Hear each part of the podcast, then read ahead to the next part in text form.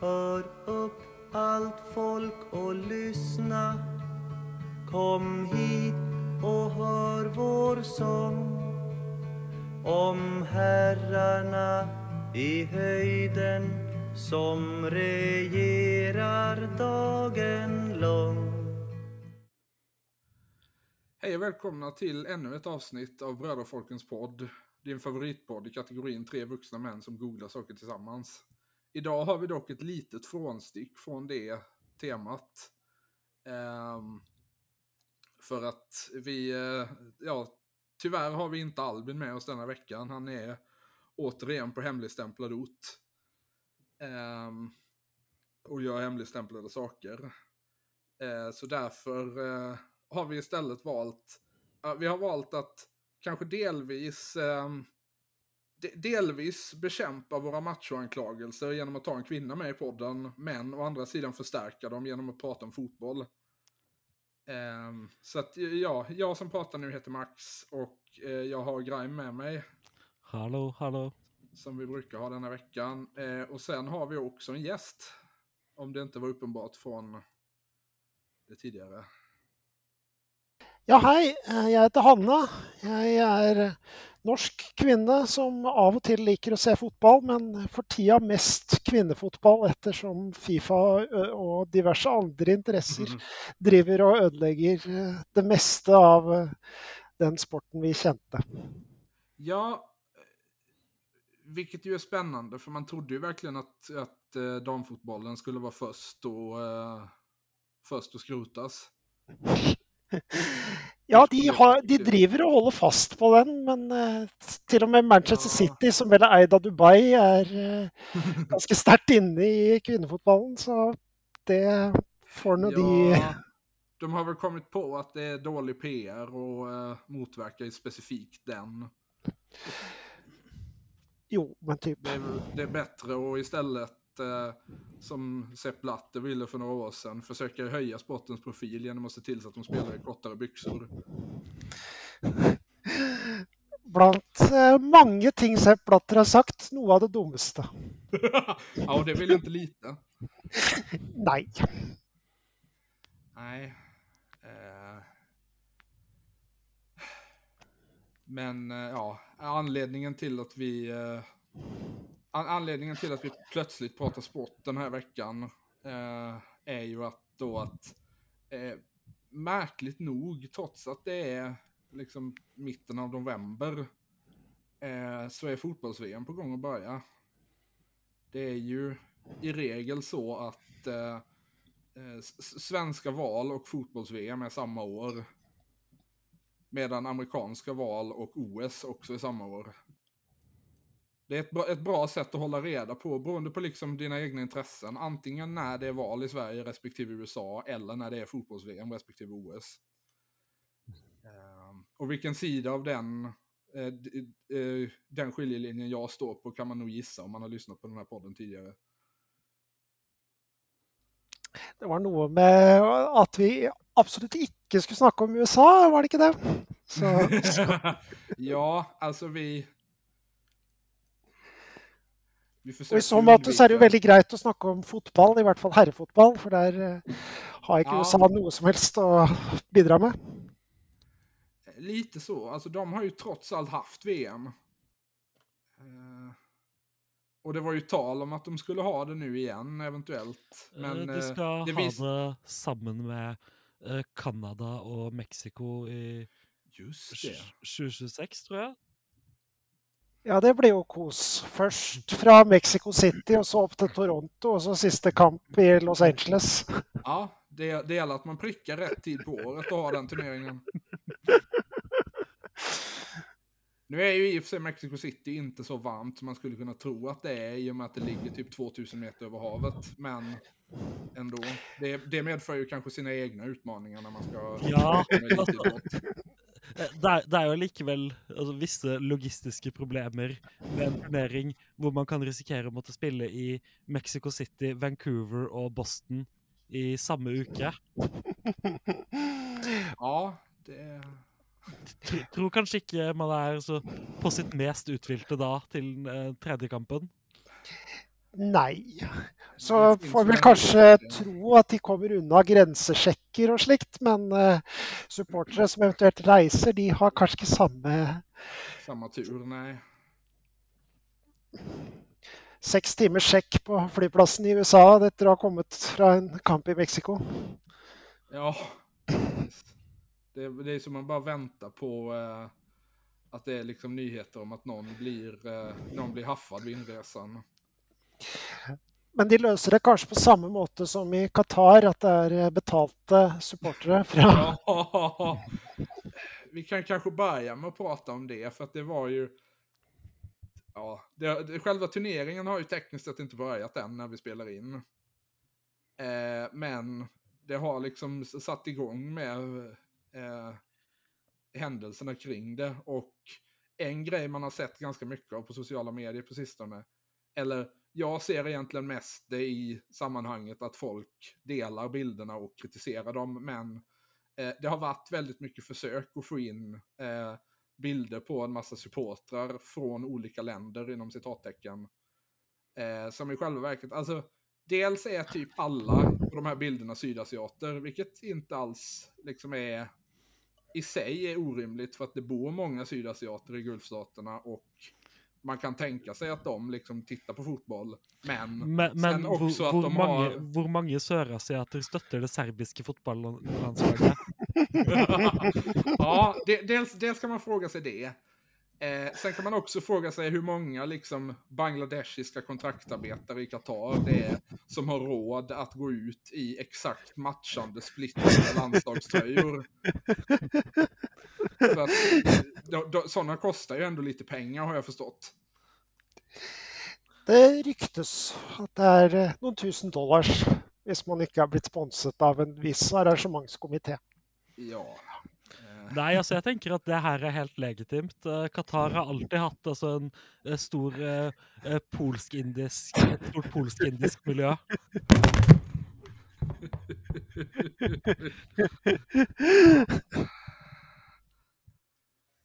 Ja, um, det, det är ju liksom toppen på isberget det här. Kan man väl säga. Ja, det er vel det, det minst sånn eh, menneskelige eh, Sånt menneskelig smerte man De har eh, Ja, alltså de här Eh. människorna på bilderna ser ju ändå trots allt ut att ha roligt. Ja, altså det her er jo på ingen måte eh, i nærheten like grusomt som at eh, Norge nok en gang ikke klarte, klarte å kvalifisere seg. Nej, för visst var det så, eh, alltså ni två som, som sitter här kan ju bekräfta eller dementera, men visst var det väl så att eh, det norska fotbollsförbundet sa att de kommer bojkotta fotbolls-VM denna gången? Man diskuterte det, eh, så bestemte man seg for å ikke gjøre det eh, når Haaland spilte veldig bra og det så ut som vi hadde en sjanse til. Så, så, så burde man kanskje ombestemt seg en gang til og sagt at man boikotter eh, når Haaland knakk foten. Og, og altså bo boikotte og si at eh, ja, nei, vi var ikke interessert allikevel, før man taper de siste to kvalikkampene og ikke har en sjanse. ja, Det var vel aldri realistisk at ledelsen i Norge Fotballforbund skulle gå med på det. Altså, Nei. eh, det, det var mest eh, en eh, del supportergrupper som eh, prøvde å få i gang noe, få i gang et vedtak. Men selv om det hadde blitt noe på fotballtinget, så tror jeg de hadde funnet en måte å komme rundt det på. Så. ja. Jo, säkerligen.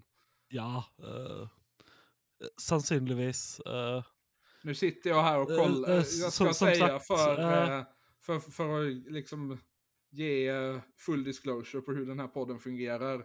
Jag sitter just nu och kollar på fotbolls-VM 2022s Wikipedia-sida med mål att se huruvida, det, huruvida eh, Sverige kvalificerade sig eller inte. Eh, det, det, Det- gjorde det vi gjorde- inte. gjorde inte. Ja. Nej. Ehm, De hadde jo også en litt artig boikottsak. Eh, for de ble jo trukket i eh, sluttspill, eh, i playoff mot Russland i samme gruppe.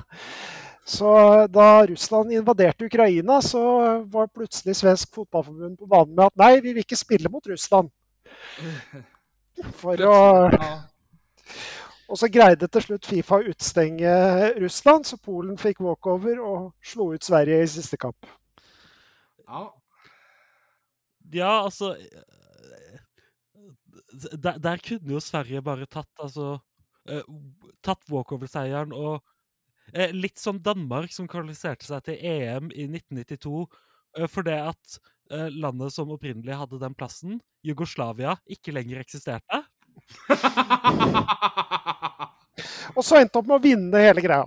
Ja. eh, ja. Ja, nei, det er flere, flere land burde gjøre slik. Helt Har, enig. vi, har, kommit fra, har det kommit ut några, eh, några filmer när man ser eh, bangladeshiska gästarbetare i Qatar i en stor kör som sjunger Vi är röd, vi vi. I så fall skulle jag vilja höra hur de uttalar varje ord. Sannsynligvis mer forståelig enn om hadde vært dansker. Ja, jag skulle säga det. Obs, obs för alla våra lyssnare som eventuellt tror att jag säger någonting rasistiskt mot Bangladeshi här. Det gör jag inte alls. Jag säger någonting rasistiskt mot danskar. Ja, eh, Danmark er jo for så vidt det eneste nordiske laget som har kvalifisert seg. Ja, ehm, och då vet ni alla, kära lyssnare, vad, vad er uppgift är. Och det är att hålla på varje lag som spelar mot dem. Det er deres forbanna plikt. Ja. Glöm, glöm inte 1523 slash 1814 slash 1944 om vi har någon islänning som lyssnar på den här podden. Jag vet inte- jag tror inte det finns något bra år man kan säga till finnar och inte glömma när det gäller relationer till Danmark. Jeg vet d- Jeg tror ikke vi har så mange finner som lytter på denne poden uansett, så det kanskje ikke det største problemet. Nej, jag skulle ju säga det nu när du är här Hanna, att eh, under en lång period, jag vet inte om det fortfarande stämmer, så var det ju så att eh, när man, om man tittade på vår statistik över hemla, eh, hemland till våra lyssnare, så var det i regel så att Sverige var nummer ett och nummer två var Nederländerna. Og for kontekst så bør det kanskje sies at jeg bor i Nederland. Ja. eh, Så ja, da vet vi det. ja, du har begått den synden. Angående dette med Danmark er det eneste landet, så er det vel kanskje slik at eh, snakk om boikott og ikke se på har vært en del mindre der enn i eh, Norge og har Sverige. både, nu har både Norge och USA gått om. Eh, Ja, akkurat. Nederl- Nederländerna är dock fortfarande före Danmark. Och det, är exakt så, och det är exakt så vi vill ha det. Applaus. Ja, eh, men eh, Hanna, jeg tro, tror nok ikke det hadde vært noe særlige diskusjoner om uh, boikott i Norge hvis vi hadde kvalifisert oss for første gang siden 1998. Nei, nei, selvsagt ikke. Ja. Da hadde det vært eh, Haaland og Ødegaard eh, i alle kanaler siden midten av september. Så Ja. Ja, Ehm, jag, jag vill ju säga det också, att jag tycker det är fruktansvärt roligt. Jag fick reda på det här eh, precis här om veckan. Så nu kan jag egentligen en sak om norsk fotboll, vilket är att Erling Haaland har en kusin som heter Sjåland i efternamn. ja, og begge to har samme mellomnavn, Braut. Så det jo også Ja, ja, men det är stark, eh, stark norsk representation där. Det är, bra, det är bra att de för vidare sitt hemlandskultur. Ja. Det, dette er vel s- veldig spesifikt norsk kultur òg. Dette er midt på bondelandet på Jæren sør for Stavanger. Så der eh, Der er det, går det i bedehus og, og drivhus. Ja. Eh, ja, Haaland og Sjåland har også en eh, fetter til som også spiller fotball. Eh, uheldigvis rimer ikke etternavnet hans. Han heter Jonathan Braut Brunes. ja, precis, men han fortfarande samma mellannamn. Jo. Men altså, det hadde jo vært bedre hvis han da het altså, Jonathan Bråland. Ja. Jag, jag kan inte annat än hålla med. Inte, inte tre vokser inn i himmelen, Nygrheim. Nei eh. Men ja, eh, fotboll-VM. Ja, alltså ska vi, ska vi kanske prata lite om landet Qatar? Det, det, detta nordiska land vars politik är så oerhört relevant för den här podden. Ja, alltså en petrostat med et uh, uhorvelig rar politikk er jo ikke noe vi befatter oss med i denne poden til vanlig. ja, nej. Men... Nej. Uh, uh, altså Nok en gang hvor, Hvorfor gjør ikke Norge noen av de sånn underholdende Petrostat-tingene? Som for eksempel? Som for eksempel å arrangere fotball-VM. Ja, alltså de försökte ju få OS. Ja, nej, men Eh, och det, eh, det, vet jag inte riktigt. Det vet jag, inte, jag kommer inte riktigt ihåg hur det var, vad, vad, vad det var du tyckte om det när vi diskuterade det.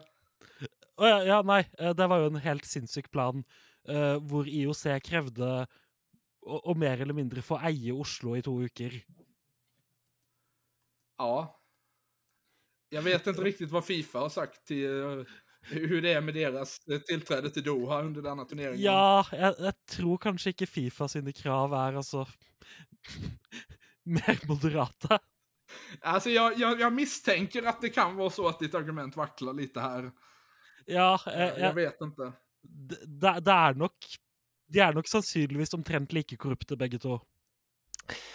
Mest sannolikt. Men, men, men tänk, Prat, tänk pratar vi om IOK och Fifa här eller pratar vi om Norge och Qatar? men tänk vad gøy det hade varit med fotboll-VM på Svalbard. ja, precis. På, på, grund av den norska statens regionaliseringspolitik så måste minst två matcher spelas i Hammerfest. Ja, ja nej, alltså, ja. hur ska du ellers få Centerpartiet till att, till att stötta uh, VM? Ja. Bäst hade väl varit i Honningsvåg, för där har de en bana som ligger helt ute i, helt ute i havgapet. Eh, hvor det, hvis, du sparker ballen, hvis du sparker till inkast, så är bollen i Atlanterhavet. Det gäller att det inte blåser åt fel håll den dagen. Ja, typ. men, men alltså, så, så, sådana banor har man ju längs hela kysten. Jag har, spar har sparkat ett par bollar ut i Atlanterhavet eh, i löpet av det är, det är alltså de två grejerna som norrmän tenderar att bygga i, kustban, i kustbandet. Det är fotbollsplaner och det är flyglandningsbanor. Och, och, och bruer. Ja. Eh, sån Atlanterhavsvägen och, och slikt. Så. Och då och då hela städer.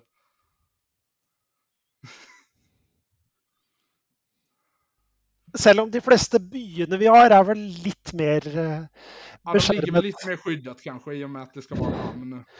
Typ så. Både Bergen och Trondheim är ju lite, uh, lite in från de största bölgerna i vart fall. Uh, ja, ja uh, de ligger ju liksom i vikar. Ja, uh, Bergen har nu alltså uh, Askøy som ligger som en slags alltså, bölgebryter. Just det. Det blir liksom en naturlig hamn där. Ja, det är ju... Där har det har legat en stad där sedan medeltiden. Ja, som vi snakket om i Bybaneepisoden. Det, det är ju overraskende nok faktisk grunner til at folk valgte å bosette seg i Bergen. Ja. Eh, eh hur svårt det än är att förstå idag. Eh, ja, till, till trots för att eh, disse samme grunnene nå gjør enhver form for fornuftig byplanlegging umulig. Ja, men det är å andra sidan det som gör att vi har kunnat mjölka x antal avsnitt ur den lokala politiken. Så att i, i, liksom sammanfattningsvis, vem kan säga om det här är dåligt eller inte? Ja, alltså eh, uten, byba uten byfjellene hadde vi hatt verken bybanekonflikten eh, eller et ettsaksparti mot eh, bompenger. Nei. Eller vi hadde sannsynligvis hatt uh, FNB allikevel, men de hadde ikke vært det tredje største partiet i, i bystyret. ja, nei. Det Ja. Jeg kommer aldri, man, trenger aldri... ikke, man trenger väl inte idiotisk geografi för att ha rara lokalpartier? Jag tänker här på Göteborg för exempel. Ja, fast de har, alltså, Göteborg är ju eh, visserligen lite mindre bergigt än vad Bergen är. Men de har ju ändå lite samma problem. Att det liksom är en, en stad som ligger på en slambädd omgiven av kullar. Um, Om än kullarna är lite mindre bratta än det de har i Bergen så ser det jag är de. Eh, det är, alltså, sä, säga vad man vill om, eh, om, om Skansberget, men det är ingen som kallar det ett fjäll. Um, ja, sen... Eh, och så har ju Göteborg lite, lite fler inkörspunkter än vad Bergen har. Å ja. Da, da, Delvis da, just i och med att... med, med flere innkjørspunkter, mener du mer enn to? Tro det eller ej, men ja. Yes. De har väl, eh, beroende på hur man räknar, ungefär fem. Ja, det, det, det, det, det syns jeg nå er litt ekstravagant. ja. Det är otroligt den här poddens förmåga att lyckas föra allting, exakt allting tillbaka till bybanekonflikten oavsett hur vi gör. Det är väl, det är väl i och för sig det, Det jag du skulle ha får när du är- jag Ja, det är det jag skulle ha förutsett när jag bjöd in någon från Bergen för att vara med i podden. Ja. eh, men ja, eh, vi kan sikkert snakke om eh, Qatar i stedet. Eh, jeg, jeg skal bare sjekke hvor- om Doha har en bybane. Eh, de, jo, men de har... Mest eh, sannsynlig har de det, men den brukes til å transportere eh, avfall og søppel. Ja, nej men de har en tunnelbana som de håller på att bygga. Vel, altså, hvis man har tatt Bybanen en lørdagskveld, så er det visse likheter. oh, eh, det här är lite underhållande. Ehm, ett, av, ett av företagen som var med och byggde tunnelbanan i, eh, i Doha. Oi, ja, nettopp, ja. Ja, der har vi østerriksk eh, bedrifts, eh, bedriftsliv i eh, et, i et høydepunkt. Det här är alltså ett företag som heter Porr. Ska jag säga för våra lyssnare. Eh, det står här på... Eh, På Wiki- Wikipedia sin.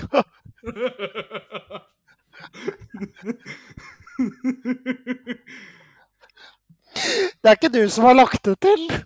Nej, tro det eller ej. Jag hade, haft en lit, jag hade nog gjort en lite mer sammanhängande mening om jag hade skrivit det. Men eh, den engelskspråkiga Wikipedia-artikeln för det österrikiska byggföretaget Porr AG nämner att eftersom porr betyder porr på svenska så är det ett dumt namn att fortsätta använda. Eh, det, här det här kommer tydligen tillbaka till eh, ingenjören Arthur Porr som var med och grundade det i Wien på 1800-talet. Vilket ju redan det är ett otroligt namn.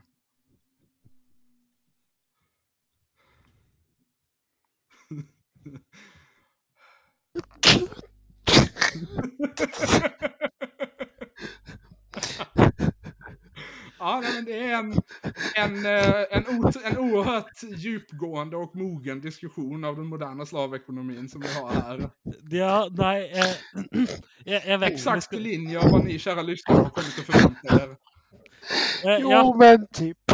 d- dette minner meg altså om det estlandske liberalpartiet eh, Esti 200 eh, og deres slagord 'Pikk plan Estila', Ja. Som da betyr en langsiktig plan for Estland. Ja, men tydligen är det, det estniska ordet för långsiktig, alltså pick. Ja, Generelt for lang er det vel. For det er en langgata i Tallinn, den heter Pikk. Ja, Så det, Jeg veit ikke om det er noe om det sier noe om estiske menn, men, jag, men miss, ja, men jag misstänker att det, det finns liksom en viss kategori av svenska män som skulle bli väldigt upprymda av att få veta att estniska ordet är lång pick. jo. Noen torsker der, altså.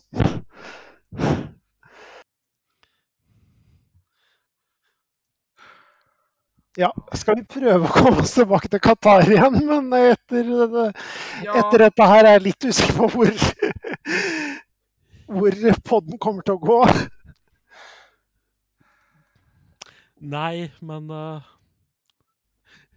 Altså, vi, vi har ikke sporet av mer enn vi pleier, tenker jeg. Ja, nej men alltså, man kan ju sammanfatta det ganska enkelt genom att säga ett, det, enkla, liksom, det enkla faktumet att eh, Katars befolkning, återigen enligt Wikipedia, eh, är totalt 2,6 miljoner människor.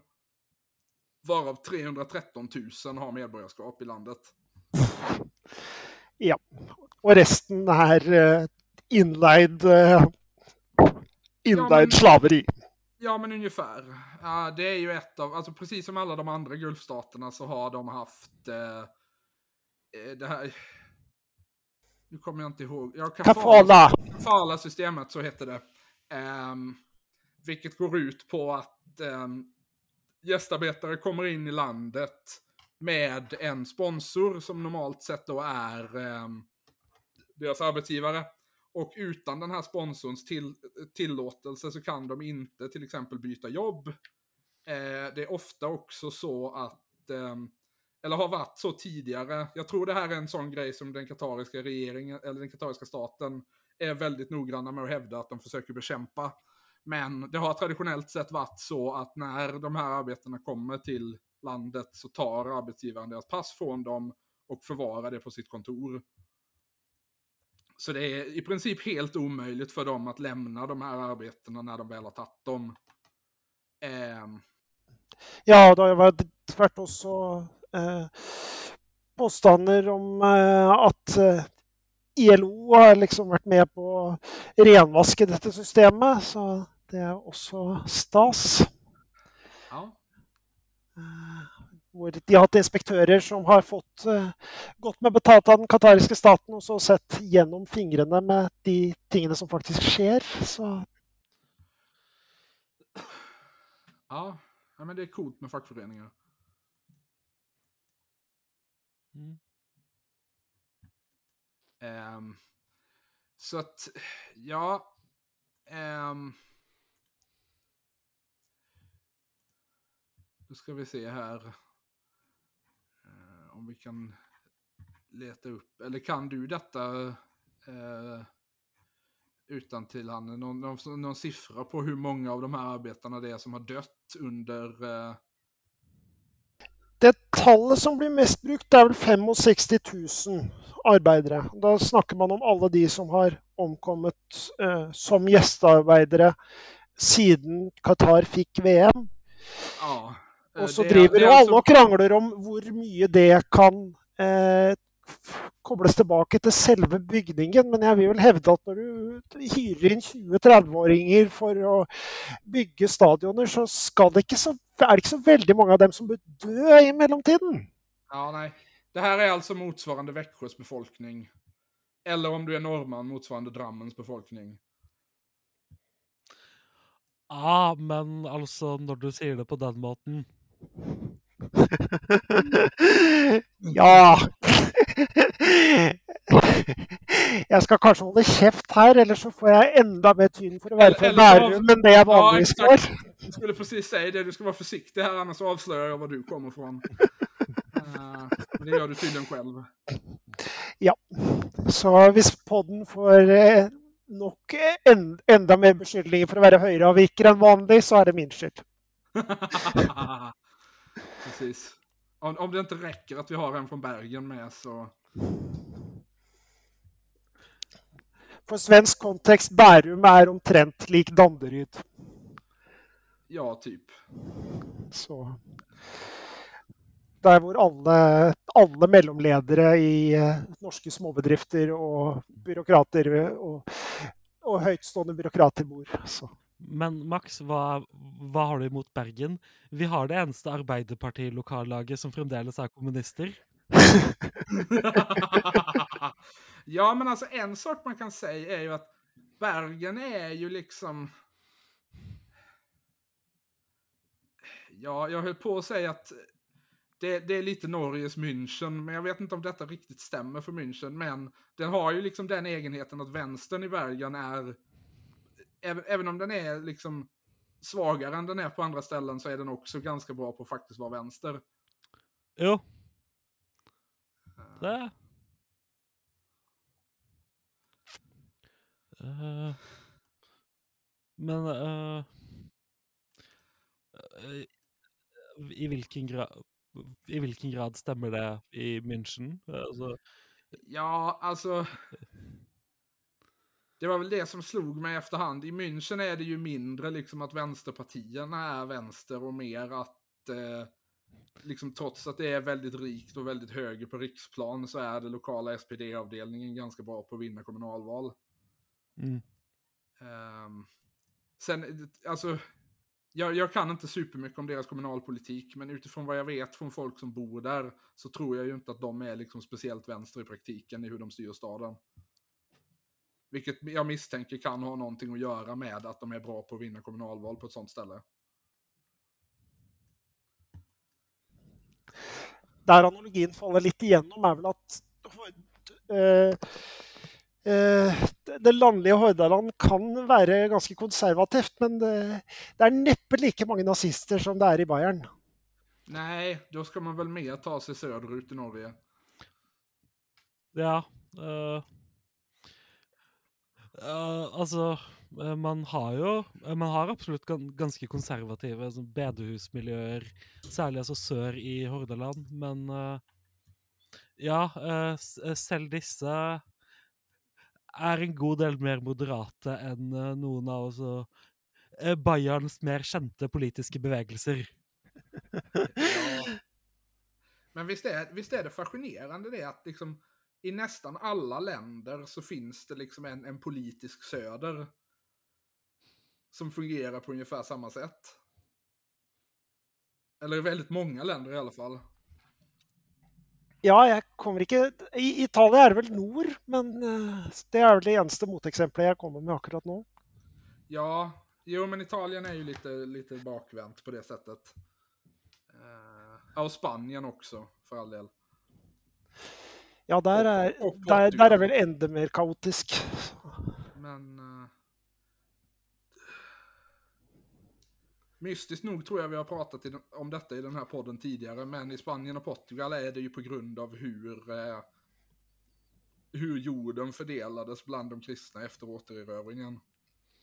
Ah, I, i, i, den, i, de, I de norra delarna av Spanien och Portugal så eh, befolkades de områdena när det fortfarande var muslimerna som var starka. Så då behövde man ha många småbönder som kunde ta till vapen snabbt. Och därför delade man upp marken väldigt jämnt.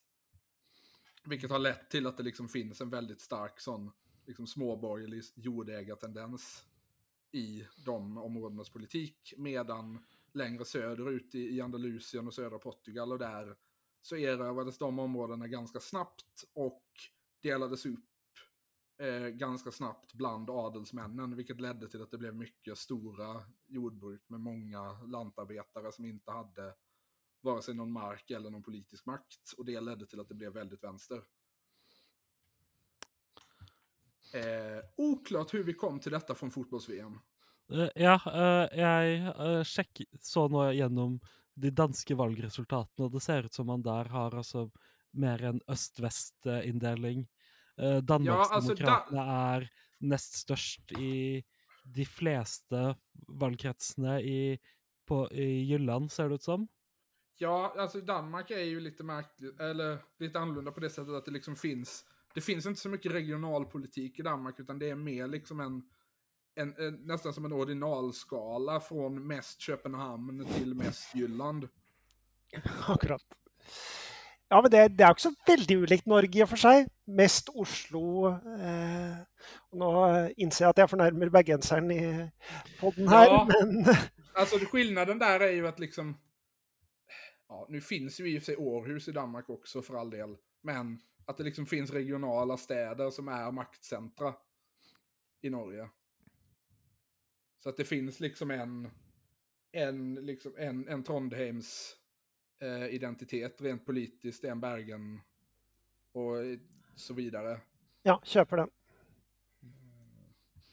Men eh, ja, och li likadant i Sverige, att vi har liksom Göteborg och vi har eh, ja, Malmö och Skåne. Så Malmöhus län var ju det största länet i Sverige ända fram till slutet på 60-talet när man slog ihop Stockholms stad och Stockholms län. Mm. Um, Ja, jeg har nok lytta litt for mye på Slagsvold Vedum i det siste, så blitt eh, forgifta av anti-Oslo-propaganda. Eh, Jo, men just- Anti-Oslo-propaganda er, bare- er bare sunt. Eh, problemet er jo når du går over til en mer generell antibylinje. Ja, nej men alltså i Norge finns det ju en sån tendens specifikt på Östlandet. Ja. Det Alle, det ha, altså- Hamar, det- Fredrikstad og alt blir jo bare slukt opp av Oslo. Det, Ja, och det är ju där, alltså, och Centerpartiets liksom stora fästen är ju, eller har varit på sistone i alla fall, eh, den östländska landsbygden. Mm. Så det är ju det de... Medan Ja. liksom Og det er jo også Ja. Eh, eh, det er jo folk som eh, definitivt kunne bli truffet godt av beskrivelsen petit bourgeois. Så eh, I alle Ja. meninger, bortsett Ja. fra muligens bilstørrelsen. Ja, altså det er jo eh, på Østlandet man har historisk hatt eh, eh, de store, eh, store gårdene, for det er der det er dy- dyrkbar mark. Ja. Man kan få mer enn én eh, en, Man kan få mer enn det ene gå- korn enn det man sådde. Eh, Ja, altså i resten Ja. av landet så bor folk eh, mellom fjell og eh, har historisk hatt kanskje altså ja, eh, fire potetplanter og en sau. ja men det är ju liksom, det är ju får och fisk. Ja. Eh, för övrigt, för att återgå till Qatar. Eh, Ja! så tror jag misstänker. Jag misstänker att detta är eh, det enda landet som har haft eh, både eh, ett, eh, ett FN-klimattoppmöte och eh, världskonferensen för World Petroleum Council i, sa- i, samma, i samma stad inom ett år av varandra. Ja, jeg skulle si at Oslo var i nærheten, men kanskje ikke samme år, nei. Nei, men altså det, det, det høres jo definitivt ut som altså eh, en sånn eh, syk Ja. Petrostad-ting som Norge kan få til. Ja, Ah. Eh, eneste gangen World Petroleum Council har møttes i Norge, var i Stavanger. eh, ja av, 94. Ja. av, av, forstå, av forståelige grunner, i og med at det er der ol- alle oljeselskapene er. Ja, och Ja. eh, det var innan eh, eh, klimattoppmötena började. Det första var 95.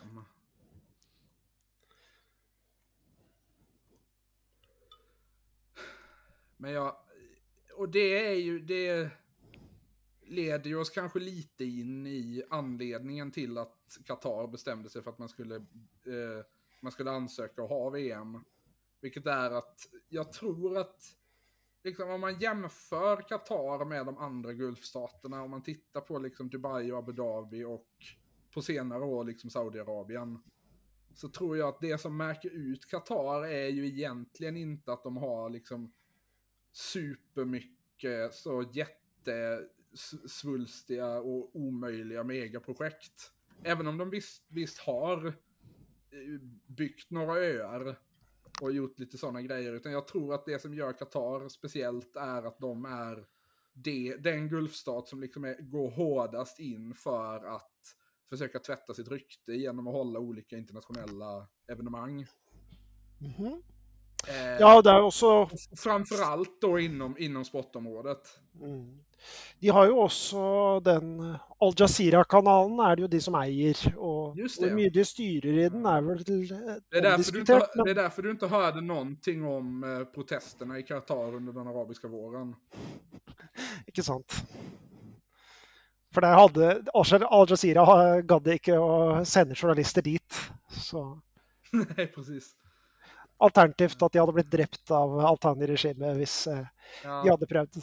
Det är Så. ungefär som att s- tidningen Sydsvenskan på 60-talet flyttade ut till ett stort höghus precis i utkanten av Malmö. Vilket ledde till att de någon gång på 80-talet typ var tvungna att öppna en lokalredaktion inne i stan. Alltså i, i, en lokalredaktion i samma stad där tidningen ges ut. Det är ungefär den problematiken som Al Jazeera har när de ska försöka eh, göra reportage om Qatar. Och det är absolut bara Mulig, den problematiken. muligens med litt mer direkte in, interference fra de politiske myndigheter i Ja. Qatar. Skjønt. Jeg kjenner Ja. ikke Malmö så godt, så det er godt mulig Jag at de vet. driver Jag vet i och för sig inte hur Ilmar Reepalu förhöll sig till Sydsvenskan när han var... När han styrde stan i 17 år. Men, eh, man kan väl kanske misstänka att det var något mindre peka med hela handen. Om inte annat så är det ju inte Malmö kommun som äger den tidningen. Det er jo i utgangspunktet en stor forskjell. Även om eh, det är ju, eh, alltså, gick att göra ett ganska starkt argument för att eh, på den tiden tidningen Arbetet fanns, att de och Malmö kommun ingick i samma koncern. Men, eh, ja. Som, Ja. Som, som just i det här specifika enkelfallet, tur var, eh, så begick ju den svenska A-presskoncernen självmord på 90-talet. Till skillnad från i Norge där de bara bestämde sig för att bli kapitalister och nu är typ det näst största mediehuset i landet. Ja, de samarbeider vel også ganske kraftig med Nettavisen, som er eh, den mest eh, reaksjonære medie, mediekraften vi har i, i, eh, i hvert fall det aksepterte medielandskapet. Eh, ja, ja, altså du finner jo eh, eh, mer ekstreme eh, eh, ting på nett, men altså det er jo eh, glorifiserte blogger. Eh, Nettavisen er jo ansett som altså en tilnærmet seriøs eh, nyhetsaktør. Trots att jag är tycker det, åtminstone, nu är- har jag inte läst den, men åtminstone utifrån namnet så låter det ju som ganska mycket som att det är en glorifierad blogg det rör sig om. Ja, men altså det, det var vel sånn det startet. ja. Eh, og så fikk de inn en gammel eh, press, noen pressefolk som hadde jobba i Aftenposten og VG, og da sa Aftenposten og VG at ja, disse er seriøse folk, og da fulgte liksom resten av Aha, så det är eh, folk etter.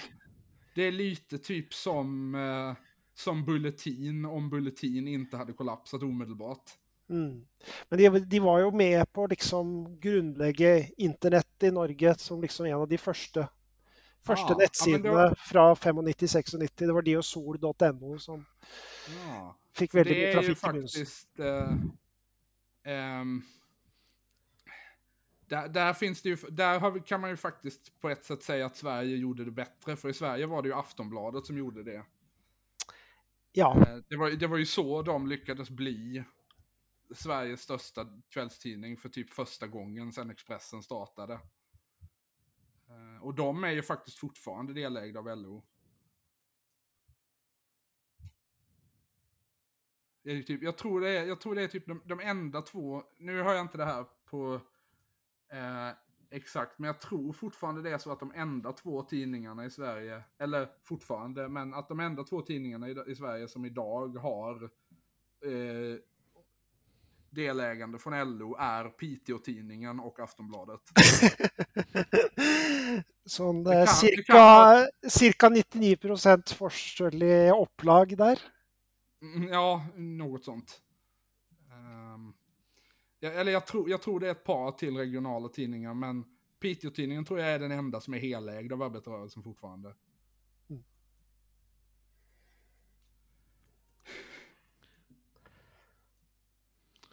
Uh, men så, så gjennom uh, eh, avisene A-media har ägarskapsandelar, eierskapsandeler i, så oppdaget jeg nå at det finnes en avis i Holmestrand i Vestfold uh, som heter Jarlsberg. Ja, det er Ja, Er de interessert i å gjenopprette grevskapet under, eh, under en pretendent? un, under arbetarstyre. Ja, A-media er vel som sagt langt fra å, arbeiderstyret for tida. De er nok heller på, heller på det å gjenopprette føydalismen. Det visar sig att vi har hittat, vi har äntligen hittat vår nordiska motsvarighet till den spanska kallismen. Jarlsbergismen. Ja. De vill starta en, eh, en eh, demokratisk konfederationistisk monarki. under ledning av Jarlsbergfamiljen. Som lever på att exportera ost. Är det de som äger osten? Nej, det blev väl bara tatt fordi de på Landbrukshögskolan på Ås syns det hørtes ut som ett fint namn, så vidt jeg husker. Nei, det, det, det tenker jeg er altså eh, en beslutning man nesten må respektere. Å ekspropriere navnet til en adelig familie. Ja, nei, det er, det er 100 Det er, det er praxis. Det är ju sen, eh, sen, sen eh, någon gång på 80-talet åtminstone faktiskt olagligt att göra i Sverige. Eh, man får, ja, jag vet faktiskt inte hur det är med företagsnamn, men man får i alla fall inte ta ett adligt efternamn om man inte tillhör den släkten.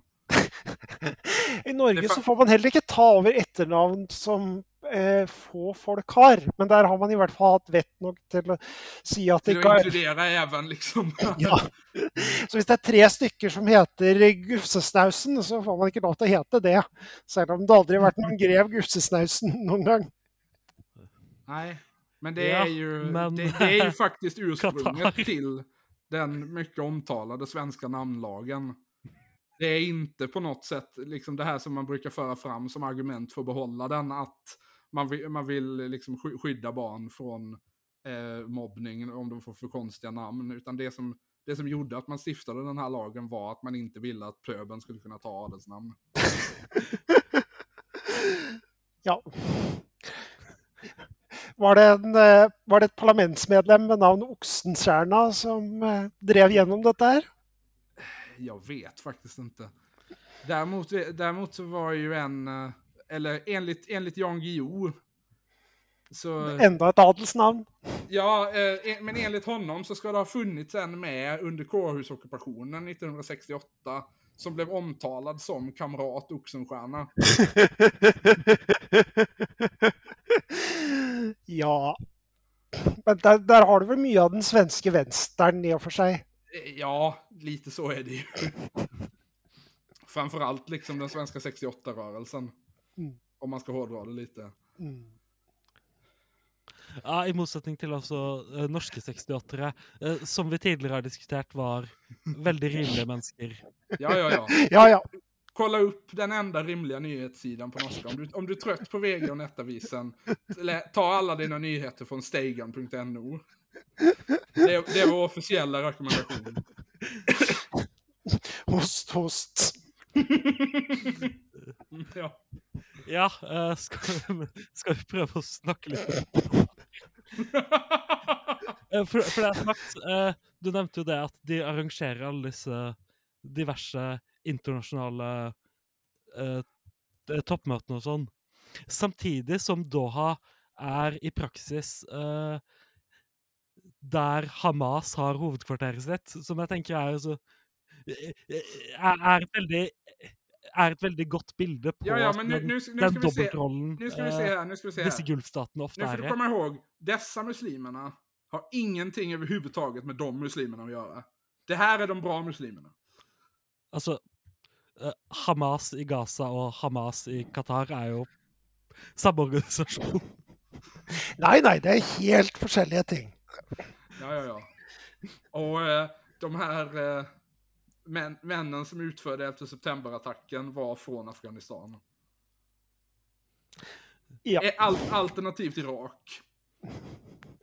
Det er ingen av dem som noensinne kan kobles til Saudi-Arabia. Det har Nej. aldri skjedd. Och nu, och nu vänder vi oss till eh, fotbolls-VMs officiella sponsor Saudi Bin Laden Group.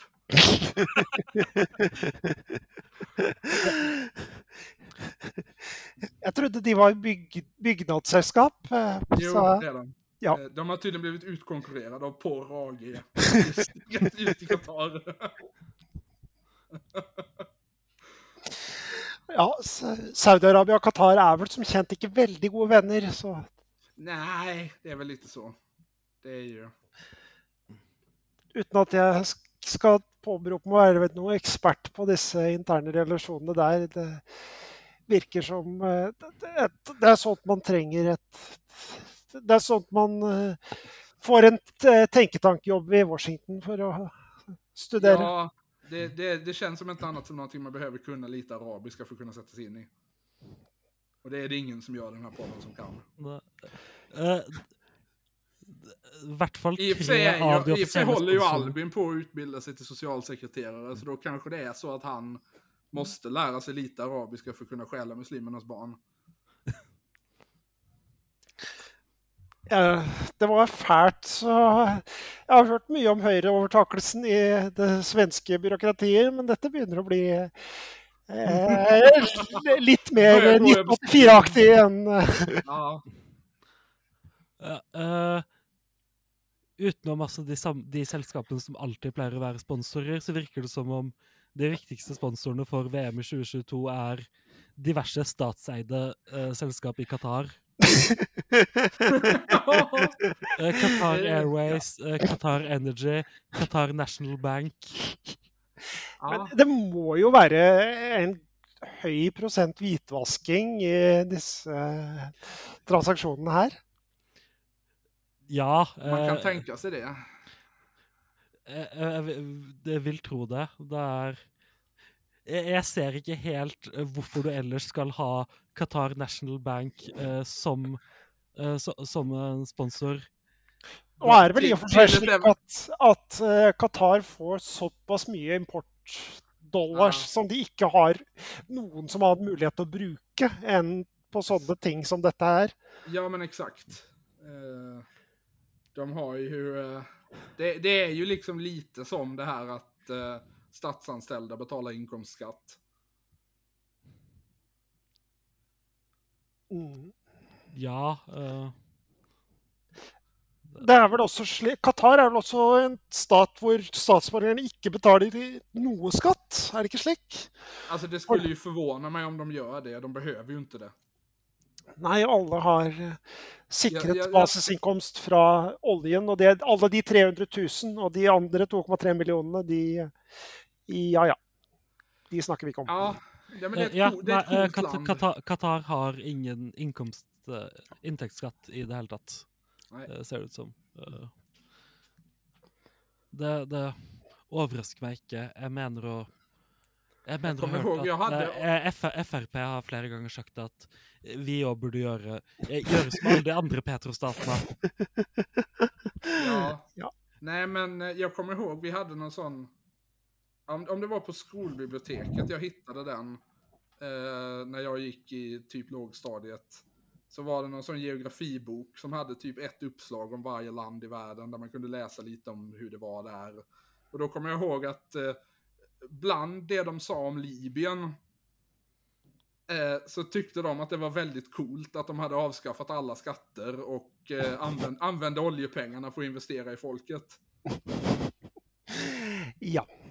Vi kan jo se hvordan det gikk. ja. Ja, nej men det, det går bra i Libyen nu och det har det gjort sen Gaddafi dog. Behöver inte titta närmare på detta. Nei, altså, det, det går jo så, så bra i Libya at eh, eh, fle, flere hundre tusen eh, libyere har fått mulighet til å dra på ferie i, i, til Middelhavet. Uff. Ja. Ja, just det. De har bestämt sig för att åka och simma. Ja. ja, nei, men det, det, det har gått så bra med staten der også at de har bestemt seg for å innføre fem eller seks forskjellige stater bare sånn for Ja, ja, men varför, Ja. Nöja, varför nöja sig med en? Ja, eh, litt variasjon. Eh, Ja, det visar sig att de har själva verket eh, försökt att, de, de är det första landet som har försökt att implementera den här grejen som han, eh, eh, SMBC-tecknaren, skrev en bok om för några år sedan. han Wiener. Ja, Ja. Eh, han, han skrev ju någon så, jag kommer fan inte ihåg vad den heter nu, men han skrev en bok för några år sedan där han propagerar för att man ska ha ett nytt system där alla människor på jorden kan fritt välja vilken stat de ska vara medborgare i.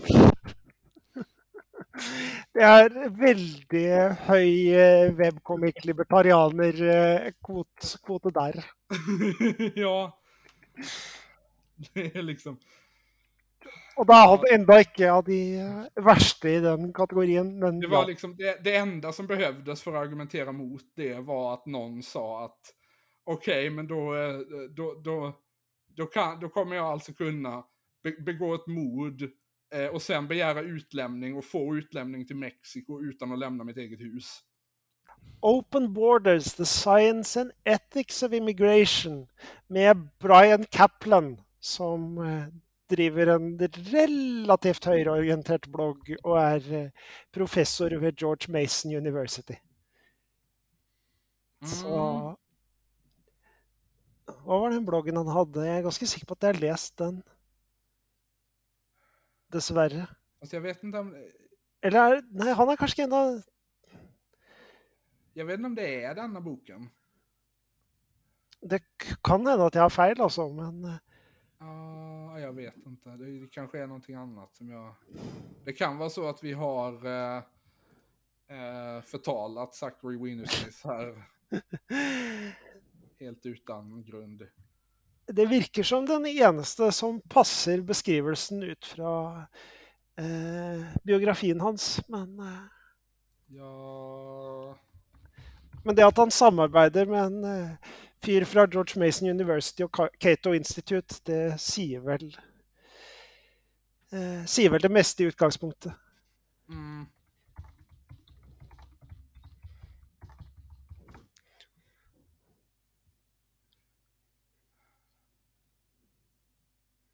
Ja, nej, jag kommer inte att lista ut detta hur jag än letar så att...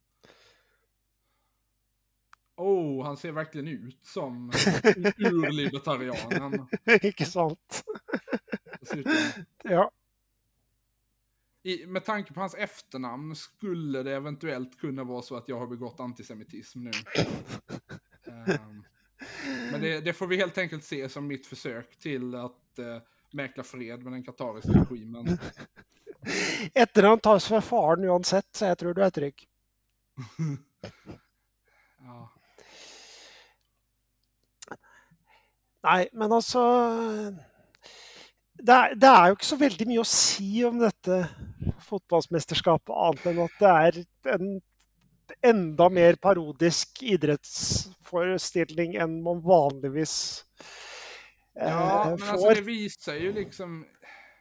Det som är intressant här att diskutera är ju kanske egentligen inte det, den skit Qatar gör mot de människorna de tar in för att bygga grejer. För det är ju liksom ganska så... Även om det är såklart är värt att, att liksom sprida kunskap om att de gör det så känns det som om det är andra som gör det ganska bra. Det, det jag tycker är bra att understryka här är ju att detta är inte ett unikt fall på något sätt för hur liksom, de stora internationella sportorganisationerna arbetar. Nej, det är ju bara, Det sätter ting eh, i ekstra perspektiv, men eh, Ja, det er bare en ekstra Fordi ingen liksom- liker Qatar, så er det Eller ingen liker araberstatene sånn i utgangspunktet, så blir det en ekstra Ja. Nej, men det är ju liksom en, en, en motsättning som förhöjs här. mm, men som redan fanns från början. Det var ju mycket om det under...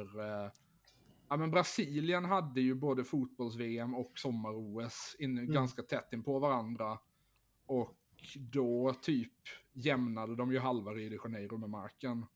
Ja. För att kunna göra Og så, og så etter at eh, de Etter at eh, eh, idrettsjournalistene hadde dratt, så valgte de Bolsonaro til president. Etter Ja. at eh, økonomien var blitt utarmet av diverse eh, store investeringsprosjekter i ikke av de mest eh, Som ikke ga de mest eh, ga mest avkastning. Nej, inte för de som bodde i Brasilien i alla fall. Nei. Nej. Så det är ju liksom... Ja, det, den enda, det enda en, en, sån här, en, en sån här tillställning egentligen tillför till ett land idag är ju bra PR. Och knappt ens det längre. Mm. Det är, liksom, det är liksom den grejen som du tror kommer ge dig bra PR om du är diktator.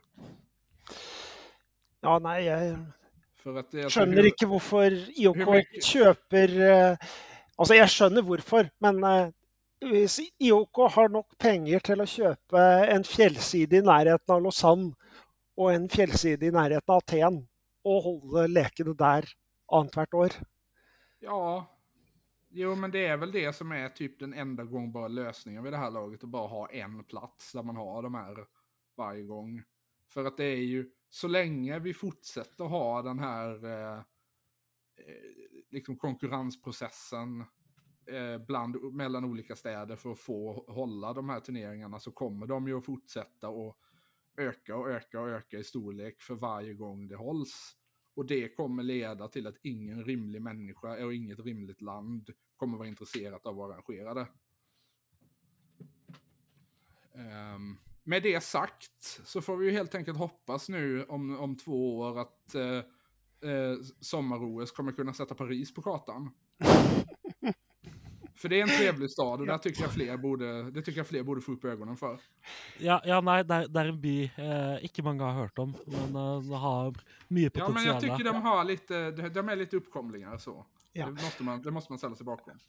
Og eh, Emmanuel Macron har ingenting til felles med diktatorer i diverse eh, ikke eh, I diverse land vi s- liker å snakke godt om.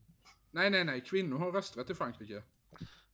Ja, altså Det er jo utenkelig at eh, Emmanuel Macron eh, kunne kan finne på å bruke et eh, OL for altså, hvitvasking av penger eller noe som helst.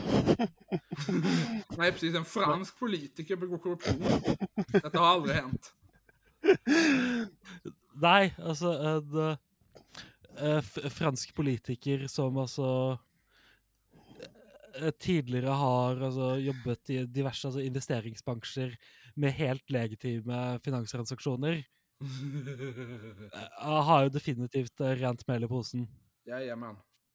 Det måste vi lita på. Han, Alltså- har, själv, han har själv sagt det. Eh, ja, altså Det här är alltså... man, man, man bør jo mistenke Man må jo nesten mistenke Macron f- for å være skyldig i et eller annet, bare basert på det at han har vært eh, fransk president i fem år nå, eh, og man ikke har, har hatt en eneste utroskapsskandale. Ja, Nei, sånt eh, personlig Altså, det Privatlivet til Macron tror jeg kanskje det, det virker eh, alltså det är enda mer eksentrisk enn det man har hørt fra franske Ja, politikere eh, før. Eh, men jo, jo, du tenker på det at han har altså eh, en stedatter som han gikk i klasse med? Ja! Og, og at eh, moren er læreren til begge to. Ja. Nej men alltså det är ju ändå en sak man trots allt kan säga om honom. Att han, han verkar vara relativt lyckligt gift med sin före detta lärare på högstadiet. Vil- Vilket är Ja. helt sjukt, men ärligt talat funkar det för dem så varför inte? Ja, altså, de er voksne folk. Det, det, det skal man tross alt på et eller annet vis respektere. Men eh, Ja, her, her må jeg innrømme at jeg går eh, mest inn med age-gap-folka på Ja. eh, Eh, Men, men jeg tenker det er viktig å altså innse at eh, eh, Macron eh, trenger den økte støtten blant pensjonister eh, for, å få, for å få gjennom pensjonsreformene sine. Ja, Og da, är ju og da med hans kone. Eh, Ja, Ja. altså det, Ja, men det är ju eh, for, for å få gjennom eh, reformene så trenger han at pensjonister føler seg representert. Kan man tänka sig att det var en grej Hollande försökte liksom som en medveten strategi att få, att få presskårens stöd genom att helt enkelt ligga med tillräckligt många av dem? Ikke forbause meg. Det känns som en väldigt fransk taktik. Eh, eh, eh, Men altså, den altså, eh, utroskapsavsløringen hvor han kjørte gjennom halve Paris på en scooter eh, for, for å treffe elskerinnen sin, er den eneste gangen under presidentperioden hans hvor oppslutningen hans gikk opp. ja. ja, men det är ju... Eh, Så, som altså gi, gi mening. Hva, hva, er, hva er vel franskere enn å kjøre gjennom halve Paris på en scooter for å treffe en elskerinne? ja, nej. Det skulle eventuellt vara om han var lite, lite vinberusad när han gjorde det. Vet vi att han inte var det? Nej. Alltså, där, tänker, där tänker jag vi kan anta att han var konstant. Eh, eh, eh, Som från politiker, ja. Ja, precis. Ja, alltså, liksom från, från inte, kväll. inte ett ädru människa ville brukt 100 000 i månaden på den frisyren.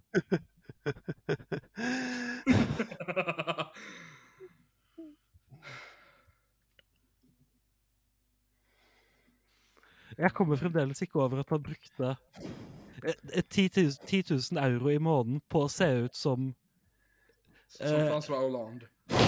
Ja, som altså eh, John Oliver med dårlig hårfeste. ja. Dette, dette er hva man får for å stort sett bare lese avisene og, ska, og skimme over eh, bildene. For jeg kommer faktisk ikke ihåg åssen han så ut, og godt er det. Ja, altså øh, det, det er forståelig. Han er så tydeligvis en av de altså eh, minst viktige presidentene i fransk historie på mange måter. Ja, sånn for for sosialdemokratiet så er han vel Ja, relativt altså, han er- viktig som den som avsluttet det. Jo da. Ja, exakt. Jag skulle säga att han är rätt så viktig för den franska historien, men inte på grund av någonting som han faktiskt gjorde. Utan snarare på grund av alla saker han inte gjorde. Jo, men typ. Ja. Han, han, gick, till, han gick till exempel inte, inte in i ett suveränt land med militär. Ja. Det, det, finns, det finns å andra sidan ingen fransk president som inte har gjort det, jag skulle gissa. Att, Nei, øh, det, altså, det er jo det, det jo en forutsetning for å få jobben. Men eh, jeg, jeg tenker altså typ.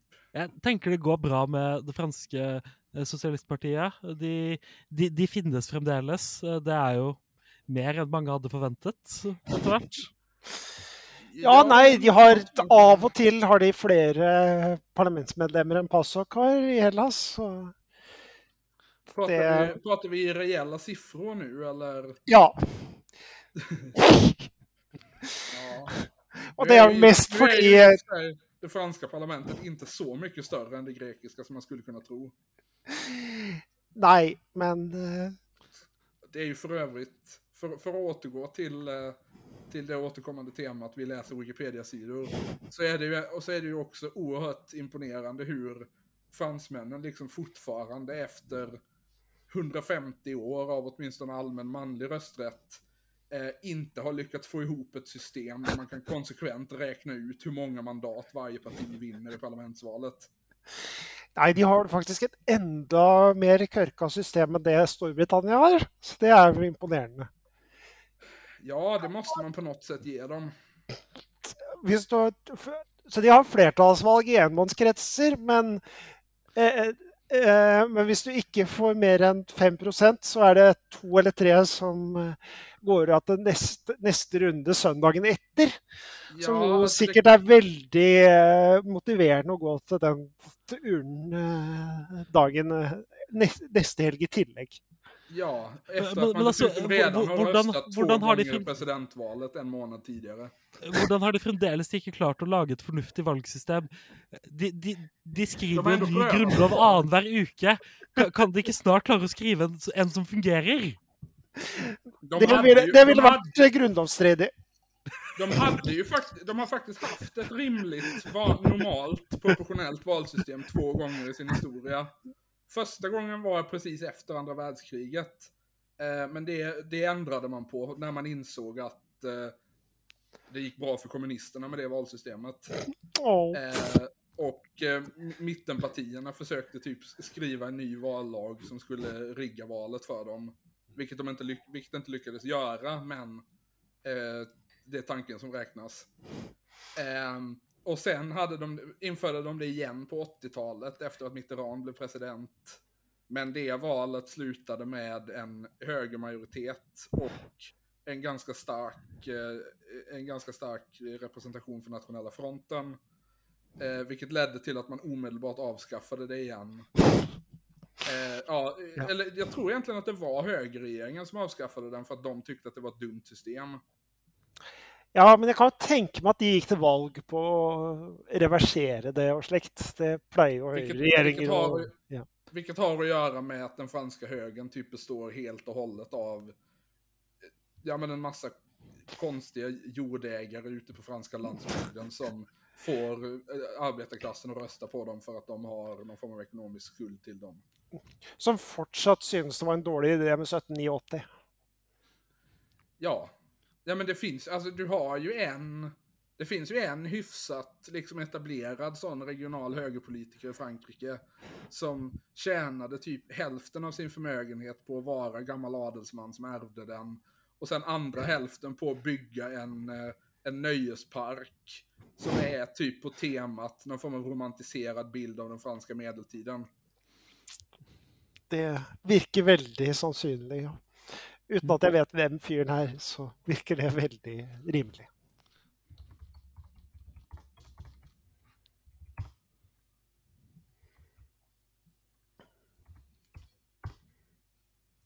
Ja, akkurat. Han har jo også navnet som hører til det, så For, eh, for eh, eventuelle lyttere. Philippe Marie Jean-Joseph Le Jolie de Villiers de Saint-Ignon.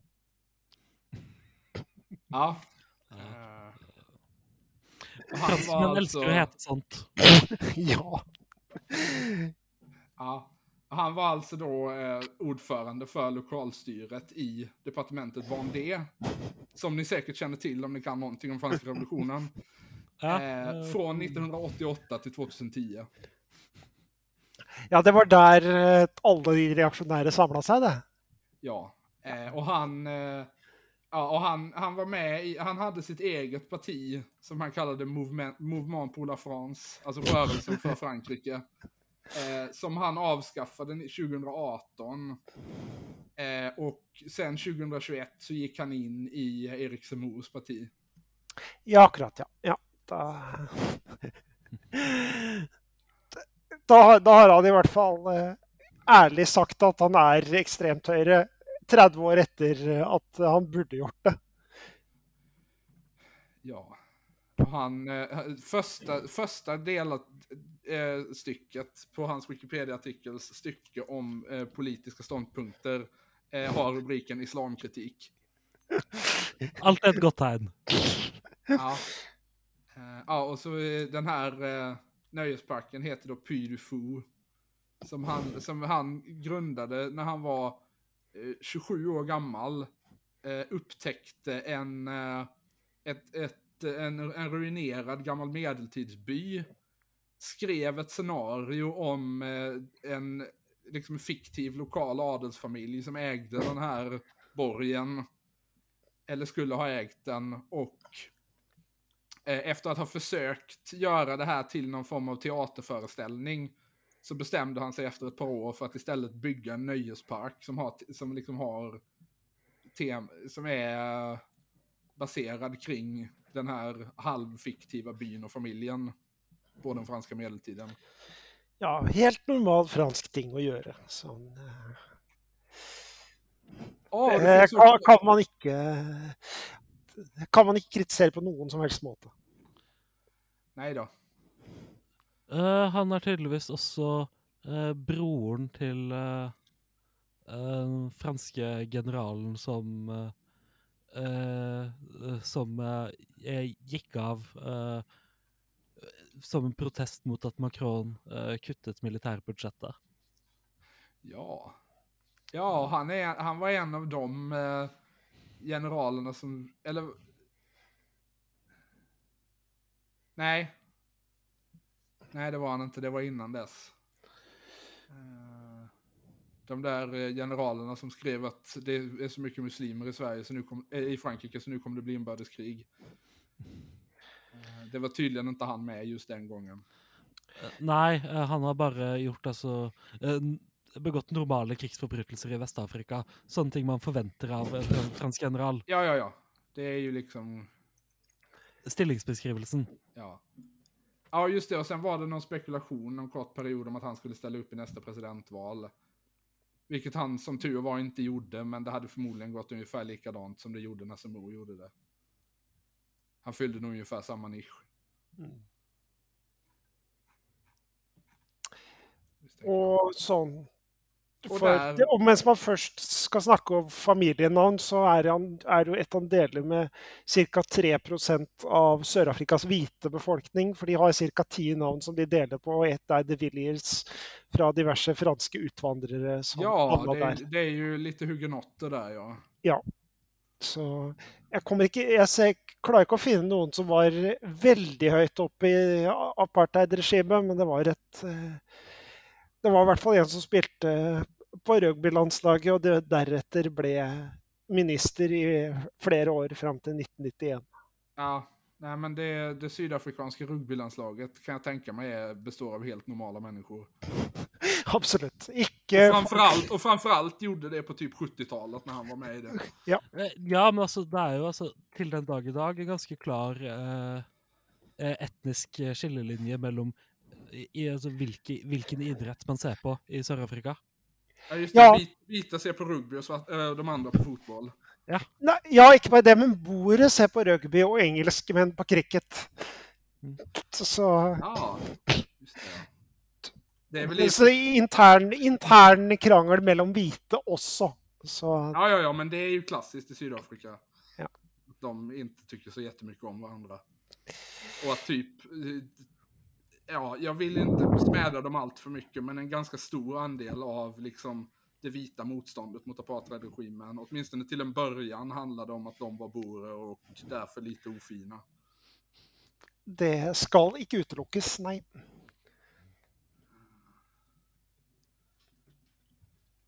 Men eh, ska vi avsluta vår diskussion om fotbolls-VM 2022 i Qatar på den punkten? Det høres greit ut, det. Ja, uten at jeg helt ser Ja, men vi har ju ändå liksom, när vi nu börjar prata om apartheid igen så är vi ju typ i närheten av ämnet.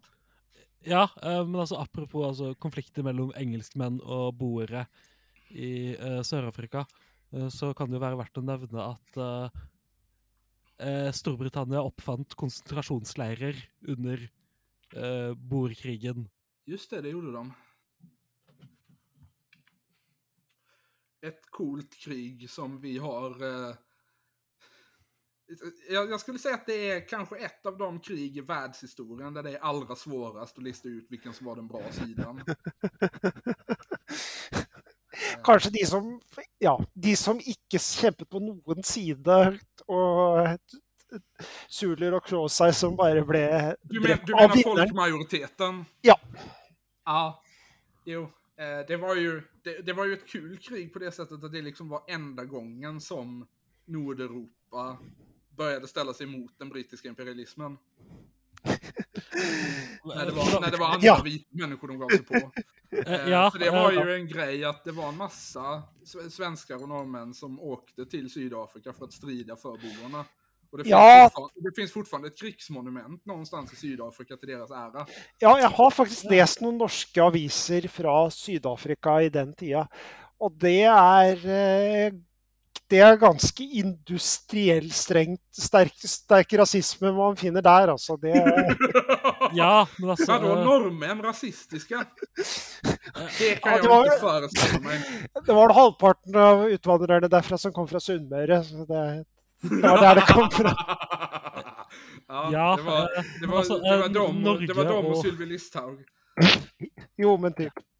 Ja, eh, men altså eh, Den norske høyresiden og eh, apartheidregimet var altså også ganske Ganske close. Eh, Ja, nu, har ju, nu, har ju, Ja, nu är ju inte det unikt för Norge på något sätt. eh, Eh, våra, våra svenska lyssnare kommer säkert ihåg, utan att jag överhuvudtaget behöver nämna det, eh, den gången eh, Ulf Adelsson gav en tidningsintervju någon gång som fick, om inte annat fick rubriksättningen om vi bojkottar Sydafrika så blir ju de stackars, och sen får ni fylla in ordet som följer själva, utan jobb eh, altså, Ja. Det er fremdeles altså en mer sympatisk vinkling på konflikten enn eh, Anders Lange, eh, grunnlegger av Anders Langes parti for sterk nedsettelse av ska skatter, avgifter og offentlig inngrepen, som sa at tycker, Eh, det, är sympatiskt att du säger hela partiets namn. Eh, som sa enhver som går inn for svart flertallsstyre i Sør-Afrika, er en forræder mot den hvite rase. Snacka om, snacka om att säga liksom den tysta delen högt. Eh, Og ja, dette, er- eh, dette er altså røttene til et parti som eh, norsk, eh, norsk sentrum og politikk for, febrilsk for, eh, f forsøker å si at ikke har et eneste rasistisk fiber i seg. Ja, ja, ja, nolltoleransen lever alltså i Norge. Eh, ja, nei, I, altså I Sverige började de ju skita i det så fort de insåg att det inte spelade någon roll för dem. Så nu har vi bara typ mer eller mindre öppna nazister i, som ingår i, regeringens stöd. Ja, altså, man, man begynner nå å bevege seg i den retningen i Norge òg. det er ikke så, så lenge siden, eh, et par år siden, at altså, en eh, justisminister fra Fremskrittspartiet var på NRK og snakket om at man må gjøre noe med somaliske fødselsrater i Norge. Ja, ja, ja, det är de och partiet Nyans alltså. Som står för den politiken. Ja, eh, altså Nå vil jeg regner jeg jo med at altså, den svenske avdelingen av uh, Gråulvene eh, ikke har noe til overs for altså eh, Just Somalia specifikt. eh, so somaliere eller altså eh, Shia-partiet Frp. Just det.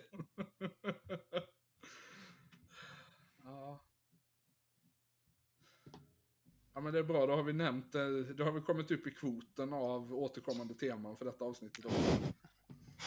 Ja, både Bybanen og Fremskrittspartiet. Da er vi Ja, och eh, vi, vi nämnde Jan Guillou i förbigående. Eh, eh, vi, vi kunne også veldig enkelt nevnt eh, palmedrapet når vi snakket om Sør-Afrika. Ja, det är, bra att du, det är bra att du täcker in den nu på slutet. Eh, Jan Guillou har vi nevnt også. eh, Ja. ja. Dock Jo, inte Jan vi- Myrdal än så länge. Nei. Men nu har vi löst det också.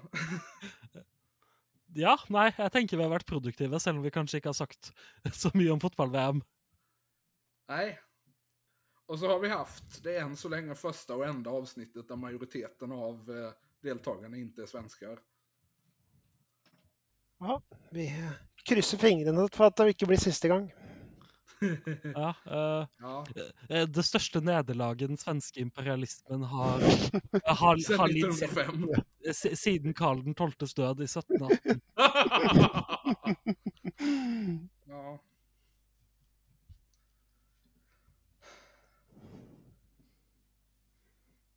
Ja, nej men det är väl ett avsnitt helt enkelt. Ja.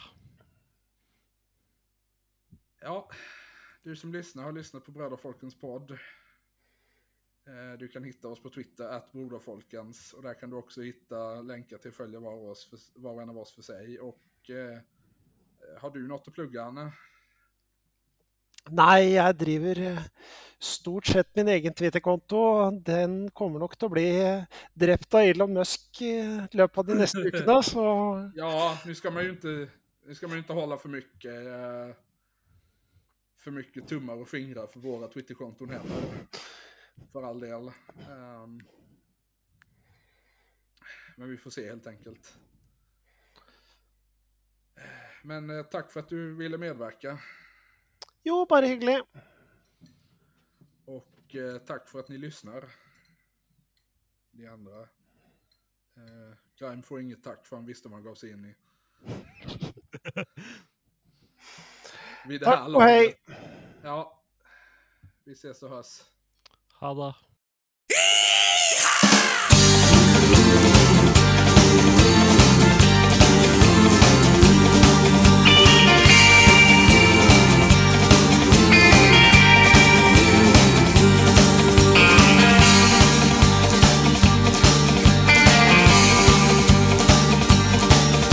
Jag tänker tillbaks på min korta session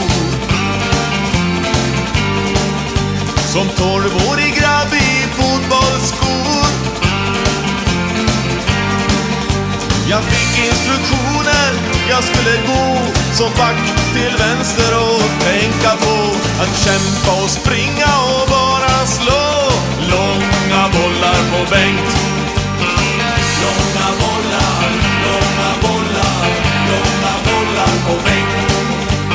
Bengt, han var påläggskalk, Jag blev befordrad till vänsterhalv. Långa bollar på Bengt. Jag tänkte nu får jag min chans och befängt. Det går så sällan som man har tänkt. Min entusiasm kom på skam, den blev dränkt i långa bollar på bänk. Långa bollar, långa bollar, långa bollar på Bengt. Långa bollar, långa bollar, långa bollar på bänken.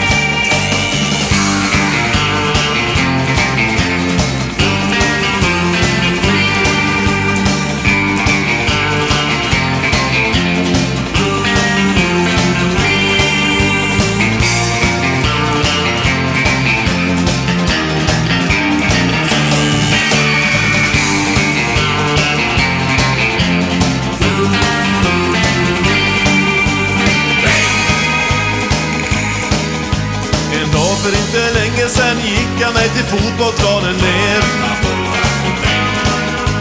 Döm om min förvåning, vem tror ni att jag ser? Jo, Bengtsson blir tränare nu på äldre år och center var hans egen grabb, Bengt junior. Resten fick order, se till att ni slår. Långa bollar på Bengt.